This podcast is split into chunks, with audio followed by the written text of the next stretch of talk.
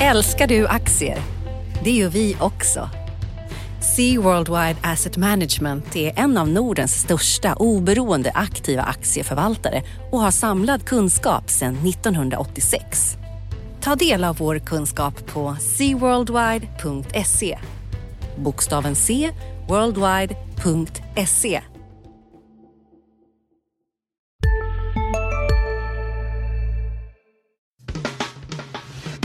Analyspodden från Dagens Industri. Hej och välkomna till Dagens Industris analyspodd där vi ska gå igenom de viktigaste sakerna i veckan som varit och också blicka framåt till veckan som kommer. Och det är en diger agenda, eller vad säger du Martin Blomgren som sitter mitt emot mig, Johanna Jansson? Ja, jo, det är det. Det är Brexit as we speak. Ja, Omröstning som pågår och Ja. det har varit eh, kapitalmarknadsdagar. Det kommer fler kapitalmarknadsdagar och det är en del bolag med brutet räkenskapsår som har eh, rapporterat och ska rapportera. Så det finns Försmak till. Mm. rapportsäsongen som kommer sen också. Ja, det är verkligen mycket.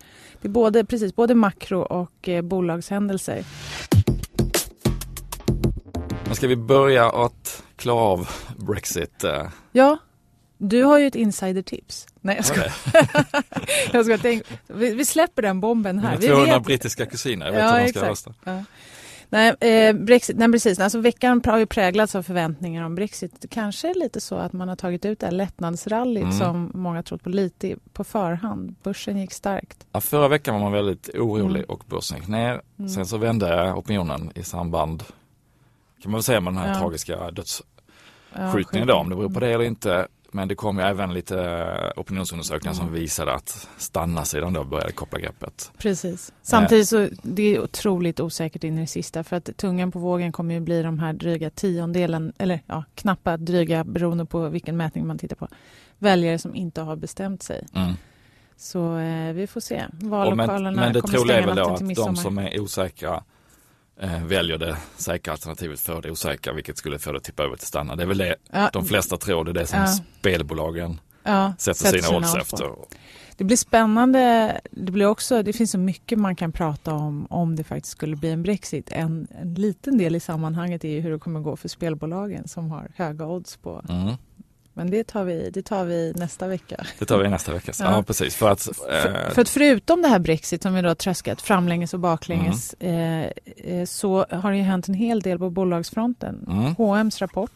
H&M's rapport i veckan var ju eh, som vanligt rapporten inte jättespännande men H&M är i ett jättespännande läge.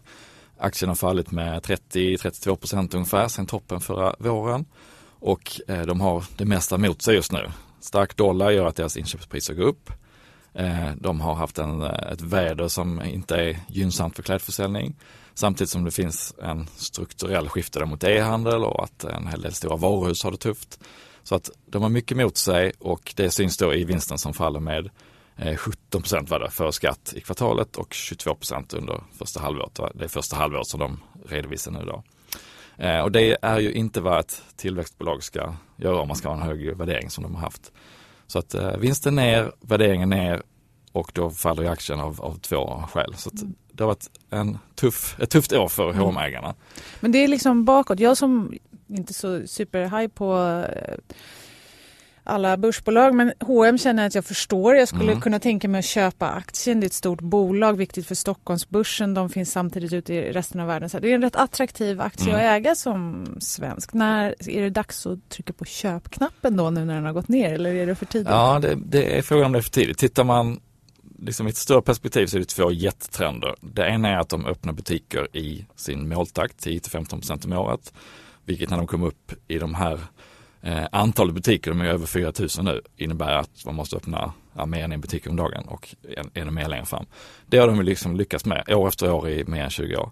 Eh, den andra trenden är ju att marginalen som var uppe på 20-22 procent rörelsemarginal så sent som för en 4-5 eh, år sedan nu är nere på 13 procent om analytikerna får rätt om helåret. Så att trots att man har dubbelt så mycket butiker som 2010 så gör man nästan samma vinst bara eftersom marginalen har tryckts ner av med alla de här effekterna. Det är dollar, det är att de måste investera i e-handel, det är att det är inom det här fast retail, alltså som säga, mode Mm. men billigt kommer fler och fler konkurrenter så de är inte så ensamma som de och Sara kanske var en gång i tiden. På ja, det för då hade de fördelen med att de kunde vara så sjukt snabba på att producera och sen få ut. Och Ja. nu är alla nästan lika snabba. Ja, Men, så det är liksom en tuffare Mm. marknad. Men eh, även innevarande kvartal kommer att vara tufft därför att de kommer att ha dollarn mot sig Mm. fortsatt. men den effekten börjar väl ändå avta Den ska, smått. den ska bli neutral Mm. i sista kvartalet på året då är, är tanken om, om dollarn står kvar där den gör. Eh, men vad man såg i rapporten var också att varulaget hade gått upp ganska kraftigt.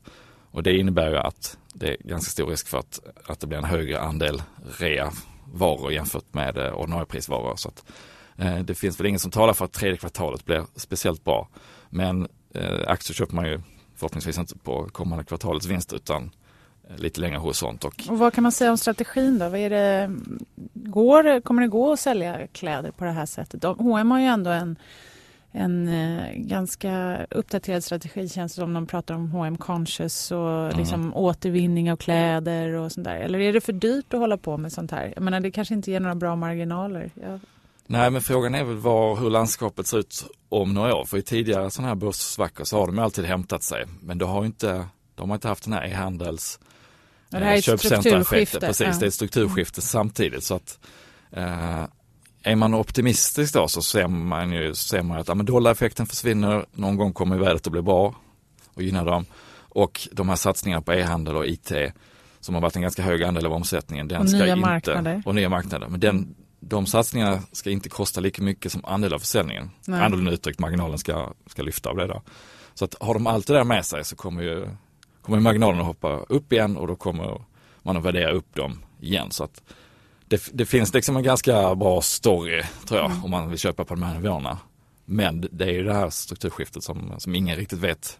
så är det det för landar. tidigt att trycka på den här köpknappen just nu, tycker du?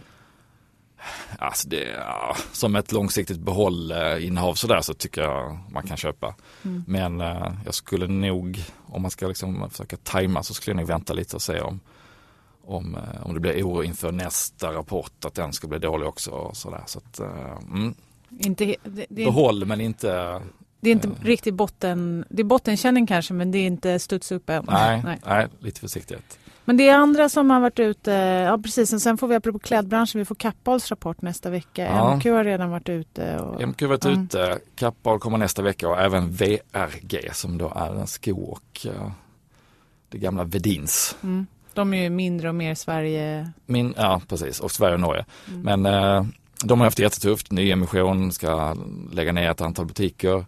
Eh, och vi såg då hur MQ lämnade norska marknaden för att de inte fick, fick ordning på det där. Så att, fortsatt tufft där. Kappahl däremot hade en överraskande bra rapport förra gången. Så det är lite High Chaparral i, i klädbranschen. Ja det är det och det är ett strukturskifte, en petitess kanske i sammanhanget men ändå intressant då, för de som då, i det här strukturskiftet där fler och fler ska handla på nätet. Stod i eh, torsdagens Dagens Industri att man har kommit överens om en europeisk eh, storlekskod. Mhm. Det har, det har liksom varit svårt att få till det här. Alltså det är olika storlekar i olika länder och man mäter lite olika. Men nu ska det då finnas ett standardiserat mått. Så här, är, Så här tjock är så här en, tjock extra, är extra en. Ja men precis, du går från small, medium, large och så vidare. Och sen Ja. så också de här eh, sifferstorlekarna då som ska gälla då för barn, vuxna och eh, ja, män och kvinnor då. Så att det borde ju då för klädbranschen minska antalet returer kan man tänka sig. Just det, han skulle på marginalen och det, vara Precis, för det måste ju kosta en hel del det här skickandet fram och tillbaka. Bra för budbranschen Mhm. men mindre bra för klädbranschen. Ja, men, en, men som sagt, det är ett strukturskifte och vi lär oss väl att hantera det. Andra som också håller på med lite strukturskifte kan man säga, Ja, så det i man säga. säkerhetsbranschen, Ja, eller? Men det får man säga, det är uh, Securitas antar jag att du tänker på. ja som hade kapitalmarknadsdag i Malmö i veckan. Och eh, inte så mycket nyheter men däremot så eh, är det tydligt att de är väldigt, väldigt konfidenta med den här eh, resan de ska göra från att vara traditionellt väktarbolag till att bli blanda in mer eh, allt som vi kan vara rädda för. allt som vi kan vara rädda för, ja men så är det ju. Det är ju terrorhot och terrordåd och det är eh, gränskontroll i Europa som driver liksom på efterfrågan på traditionella väktare. Men det, den långa resan de ska göra då är ju att från att ha väktartjänster som är ungefär 4 rörelsemarginal så ska man sälja tjänster där man har kameraövervakning och eh, Brandskydd. brandskydd precis. Eh, och då kan man ha en marginal på 10% på de kontrakten. Så att, eh, det är en rejäl ökning av lönsamheten om de lyckas med det där. Då. Det kommer att kräva lite mer investeringar för då måste Securitas köpa in de här eh, prylarna också istället för bara ha folk på, på lönelistan. Men eh, det understryker att de är på rätt väg tycker jag, den här kapitalmarknadsdagen som jag lyssnade på. Inte, jag var inte där eh, in person men jag lyssnade på den. Och eh, speciellt det här med branschskydd till exempel som de satsar på, då, då kan de ju i den bästa världen koppla på att väktarna som ändå är ute och ronderar kan även kolla då var brandutgångar och eh, brandsläckare och allt sånt som ska liksom checkas av. Och det, det, skulle kunna motivera deras lite högre, för de har haft lite mer det här kvalitet före eh, Ja. Kanske inte kvantitet då, men liksom i sina priser att de ska ha lite mer högutbildade inom citationstecken väktare, eller? Ja, men dels mm. det och det så kan de ju då säga till ett företag som de redan har som kund att visa, visa er faktura från, eh, från er brandskyddsleverantör. Mm. Eh, så ska vi se vad vi kan göra. Och så tar de, snor de helt enkelt kontraktet därifrån och säger det här kan vi göra så att, eh, och så delar vi på vinsten. Så att där finns, det är både en tillväxt och en marginalhöjare om de spelar sina kort rätt. Digitalisering och annat, det känns som att det är temat att man ska ha en, man vill eh, kan låta negativt att säga låsa in kunderna mm. men att man vill koppla kunderna närmare sig och erbjuda en palett av olika tjänster och sen så tjänar man pengar genom att diversifiera mm. priserna mot kunderna. Det, det känns som ett tema inte bara här i säkerhetsbranschen, det kan bli ett tema även för men har jag H&M's app i telefonen mm. kan jag handla från alla H&M's kanaler till exempel. Mm. Även för tidningsbranschen, liksom vad man kan erbjuda. Om man är kund hos en tidning så kan man få olika tjänster. Det mm. blir framtiden. Ja, och det kan ju bli svårare att byta då. Man, man kommer in i ett ekosystem som man mm. inte Så eh, bankerna har haft förut i Sverige. ja. Man har liksom varit knuten till en bank och kunna Ja, då har man sina bolån, man har sitt sparande och man har allting. Mm. Ja, och Securitas-vdn tycker jag är ovanligt eh, hård i sina uttalanden om hur det kommer att gå för de som inte är med där. De menar själva att de leder men mm. han sa till exempel att om man inte sitter vid, vid bordet så står man på menyn. Att, att de som inte är med på den här resan, de kommer inte att klara sig. Nej. De kommer inte att överleva. För, det kommer bli en att, utsållning. Kopplat till det så, apropå sålla ut och ätas, ätas och ätas mm. upp så har vi haft en, en liten en bolagsaffär här i veckan också, eller hur? Eh, jag tänker på Tele2. Ja. Tele2, ja det var ja, mycket Och så även sommarstädningen i Telia. Ja. Ja. Tele2 köpte ju danska TDCs eh, svenska, svenska verksamhet. verksamhet ja. mm. eh, och det mest märkliga och intressanta där tycker jag är att de betalade med en nyemission där. Med motiveringen att vi vill hålla kvar utdelningen. Så att man tar in pengar med ena handen från aktieägarna och sen kommer man då dela ut dem som vanlig utdelning med andra handen. Mm. Um, ja, lite... Tror man inte att folk förstår det? Eller varför, vad är motivet? Alltså vad... Dels vill man väl om man är en, en, en investering som man vet att ägarna ser som ett, uh, som ett direktavkastningscase så vill man nog inte spräcka den här sviten av att vi tittar vilken fin utdelning vi har haft. Det är väl liksom det, bilden av det men mm. sen finns det säkert stiftelser och andra ägare som, som faktiskt måste ha den här utdelningen som inte som inte kan eh, sälja av aktier och hålla på på samma sätt som, mm. som en privatperson skulle göra. Så De det finns säkert en logik men det är lite, lite märkligt. Lite märkligt, man skiffrar pengar från ena sidan. Ja och med de här räntorna hade de ju kunnat låna mm. istället för att ha eget kapital vilket, vilket ju då skulle i Excel-modellerna se betydligt bättre ut. Mm. Eh, men sen har Telia också gjort en massa affärer. De har ju sålt äntligen då, sin spanska del, Yoigo, Sista dagarna nu på vårens stora season sale. Passa på att göra sommarfint hemma, både inne och ute. Och fynda till fantastiska priser. Måndagen den 6 maj avslutar vi med Kvällsöppet i 21. Välkommen till Mio. Hej, Synoptik här. Visste du att solens UV-strålar kan vara skadliga och åldra dina ögon i förtid? Kom in till oss så hjälper vi dig att hitta rätt solglasögon som skyddar dina ögon. Välkommen till Synoptik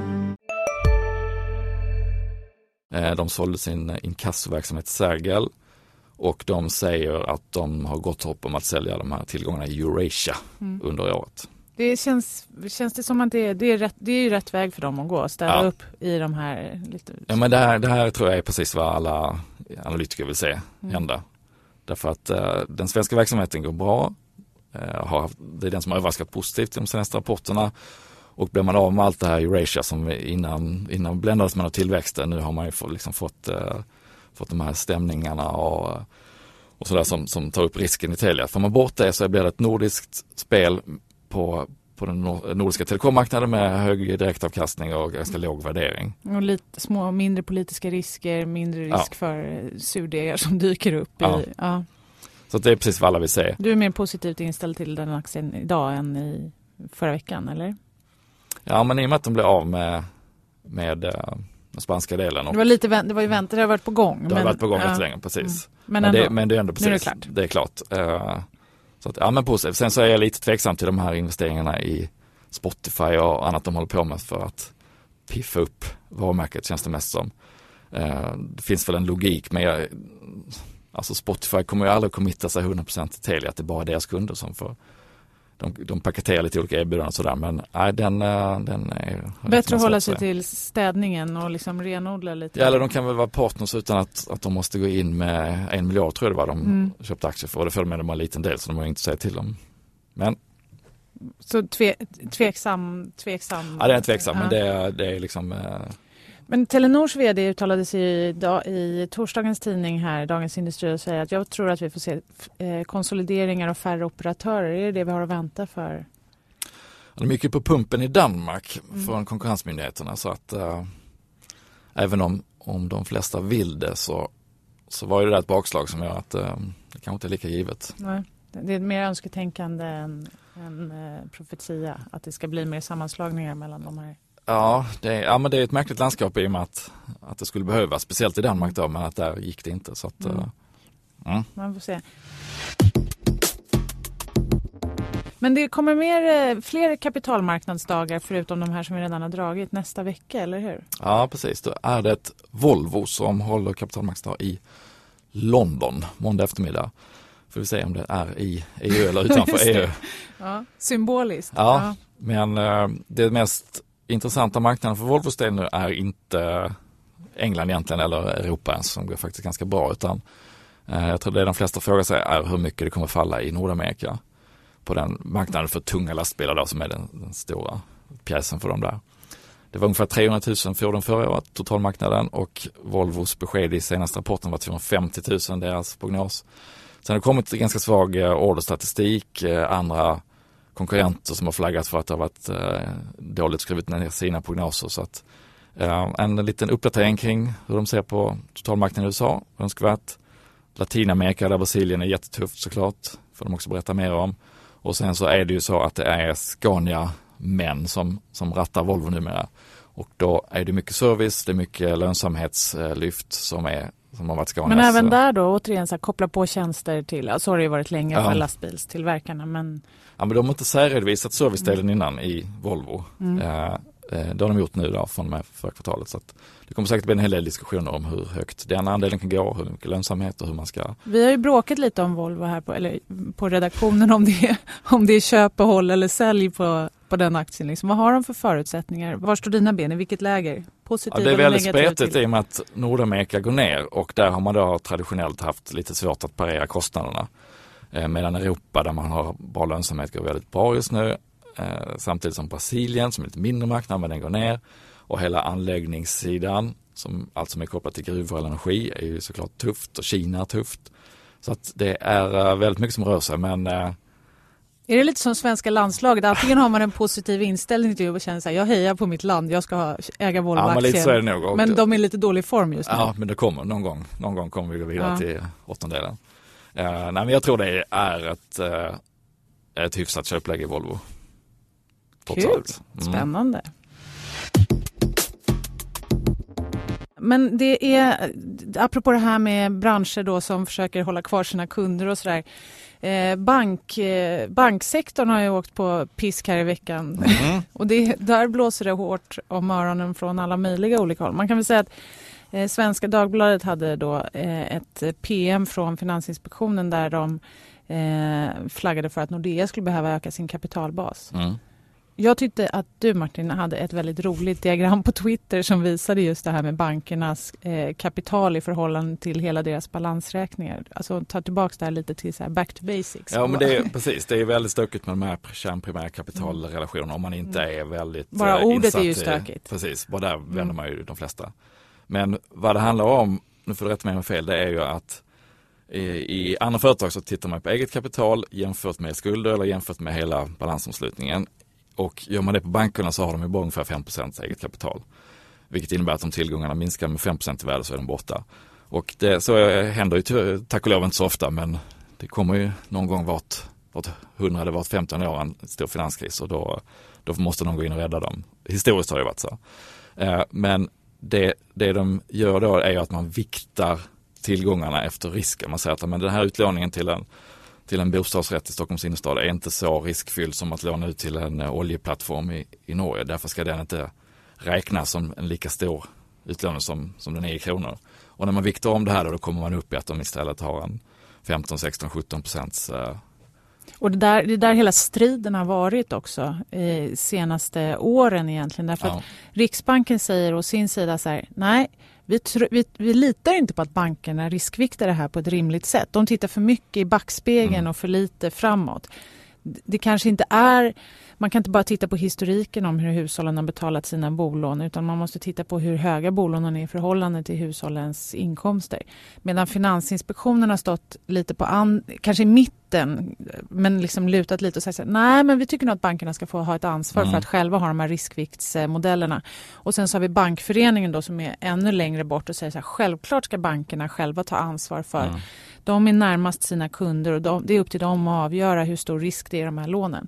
Och det har gjort att eh, Stefan Ingves, och Riksbanken, har sagt att bankerna behöver mer kapital och har skrikit högt om det de senaste åren. Och Bankföreningen har sagt å andra sidan gör inte så här, strama inte åt för banken att ta upp mer kapital för då kommer vi strama åt mm. i onödan liksom med regleringar och sådär. Och sen i mitten då Finansinspektionen som har sagt att nej men det kan finnas risker med om man tar bort bankernas incitament att styra det här själva och sådär. Ja för det är men det var väl lite så här, att, att de så... själva får bedöma då. Ja precis. Det är naturligt på ett mm. sätt och å andra sidan så är det ju då, öppnar du då för att man det, man kan visa det man vill visa, man kan själv ja, bedöma. Och sen så också, det, hela kruxet med det här är ju att det finns ett så gammalt talesätt, jag som har jobbat på bank förut, men så finns ja, ett gammalt, vem har inte det? ja, vi har till och med jobbat, session på samma bank. Eh, Nordea. Men då eh, så had, finns ett talesätt att bankdirektören i en stad ska se alla sina kunder mm. från kontoret. Man ska känna sina kunder väl och veta vad de har för kreditvärdighet. Men bankerna är så stora idag, det funkar inte riktigt på det sättet. Utan de har ju liksom mallar för hur de lånar ut. Eh, så att, eh, men, men lite, det är väl det man menar då om man ska tro på det här att de ska själva riskvikta ja. sina men det är lite som en glasstrut egentligen. Alltså ditt diagram som jag tyckte var kul då, det var ju som en triangel där man ser då, om man tänker sig själva struten på glassen då, där deras eget kapital idag är liksom den lilla smala tippen ja. längst ner. Och sen så har de då en eh, upp och nervänd triangel då som en glasstrut uppåt med liksom växande skulder. Och det gäller ju så här, det vet ju alla, om man har en glasstrut som smälter då, när liksom glassen flödar över, ja men då kommer den tippa. Så länge allting är bra och fint, ja men då kan man mm. äta glassen ner till den sista lilla tippen utan att kladda ner fingrarna. Men risken är att det blir kladdigt här om någon del i de här ekvationerna mm. inte stämmer. Alltså, jag tycker att det här det är superintressant. Jag eh, håller ju med om att alltså, kruxet är så här, bankerna är så viktiga för samhällsekonomin att man går in och räddar dem och det gör att man då från Stefan Ingves och deras håll, de är oroliga att bankerna räknar med att bli mm. räddade, mm. att de därför låter glassen smälta helt enkelt. För att ju mindre eget kapital man har desto högre avkastning på det kapitalet får man ju så länge allt går bra. Precis. Men om, om någon nu har missat hela den här veckans story så var det ju då att från Finansinspektionens håll så fanns det en, en eh, bedömning om att det skulle kunna ett behövas 50 till 80 miljarder, vilket väl var ett, ett väldigt negativt scenario då.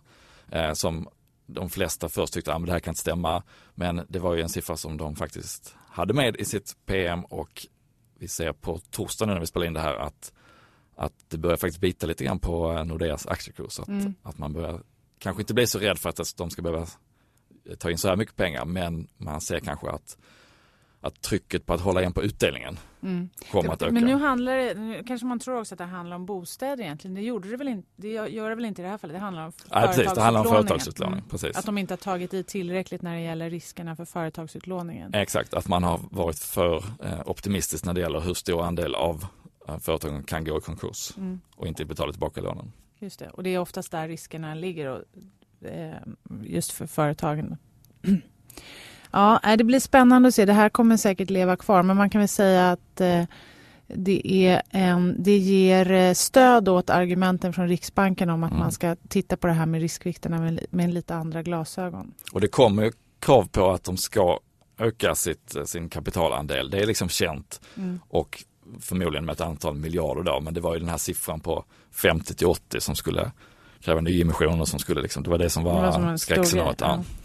Nej, så det, och det är väl också så här att eh, vi började podden med att prata om att Brexit har präglat marknaderna men att man liksom redan nu tycker jag man märker att oh, man nästan är trött mm. på de här analyserna. Det är klart, skulle det verkligen bli en Brexit så kommer vi tröska det här ytterligare för då finns det massor att prata om hur, hur det ska spela ut. Men om britterna nu ändå trots allt gör det som förväntas enligt odds och annat, eh, nämligen röstar för att stanna kvar, då kommer ju marknadens fokus flytta till något annat. Mm. Marknaden är ju så pass liksom endimensionell, mm. säga, kan bara fokusera på en sak mm. i taget. Och jag tycker redan man märker lite att det amerikanska presidentvalet dyker upp lite mer i olika kommentarer mm. och på eh, och sådär. Och sen också då, eh, så det kommer ju få mer, mer fokus. Och sen då på hemmaplan här i Sverige så kommer det här med Nordea säkert fortsätta då.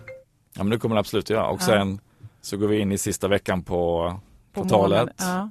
Eh, så att då är det snart en ny rapportperiod och är det någon som behöver vinstvarna så är det dags mm. att uh, titta igenom böckerna nu. Så att det kommer att bli en förskjutning mot det som faktiskt spelar roll för börsen, företagsvinsterna, ja. förr eller senare. Men det, det kommer bli Brexit ett tag till. Men uh, förhoppningsvis. så, det är ändå, den här politiken lurar lite i bakgrunden. Men ett bra scenario tycker jag ändå, eller bra, men det vore positivt om man ändå fokuserar lite mer, precis som du säger, på vinster, på de reella utsikterna för företagen.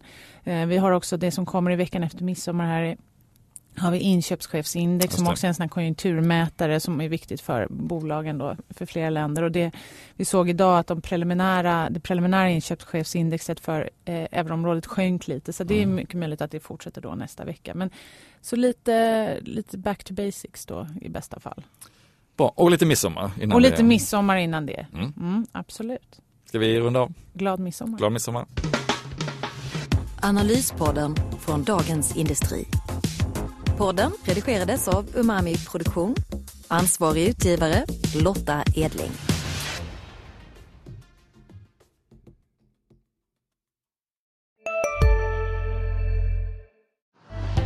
Älskar du aktier? Det gör vi också. Sea Worldwide Asset Management är en av Nordens största oberoende aktiva aktieförvaltare och har samlad kunskap sedan 1986. Ta del av vår kunskap på seaworldwide.se. Bokstaven C, worldwide.se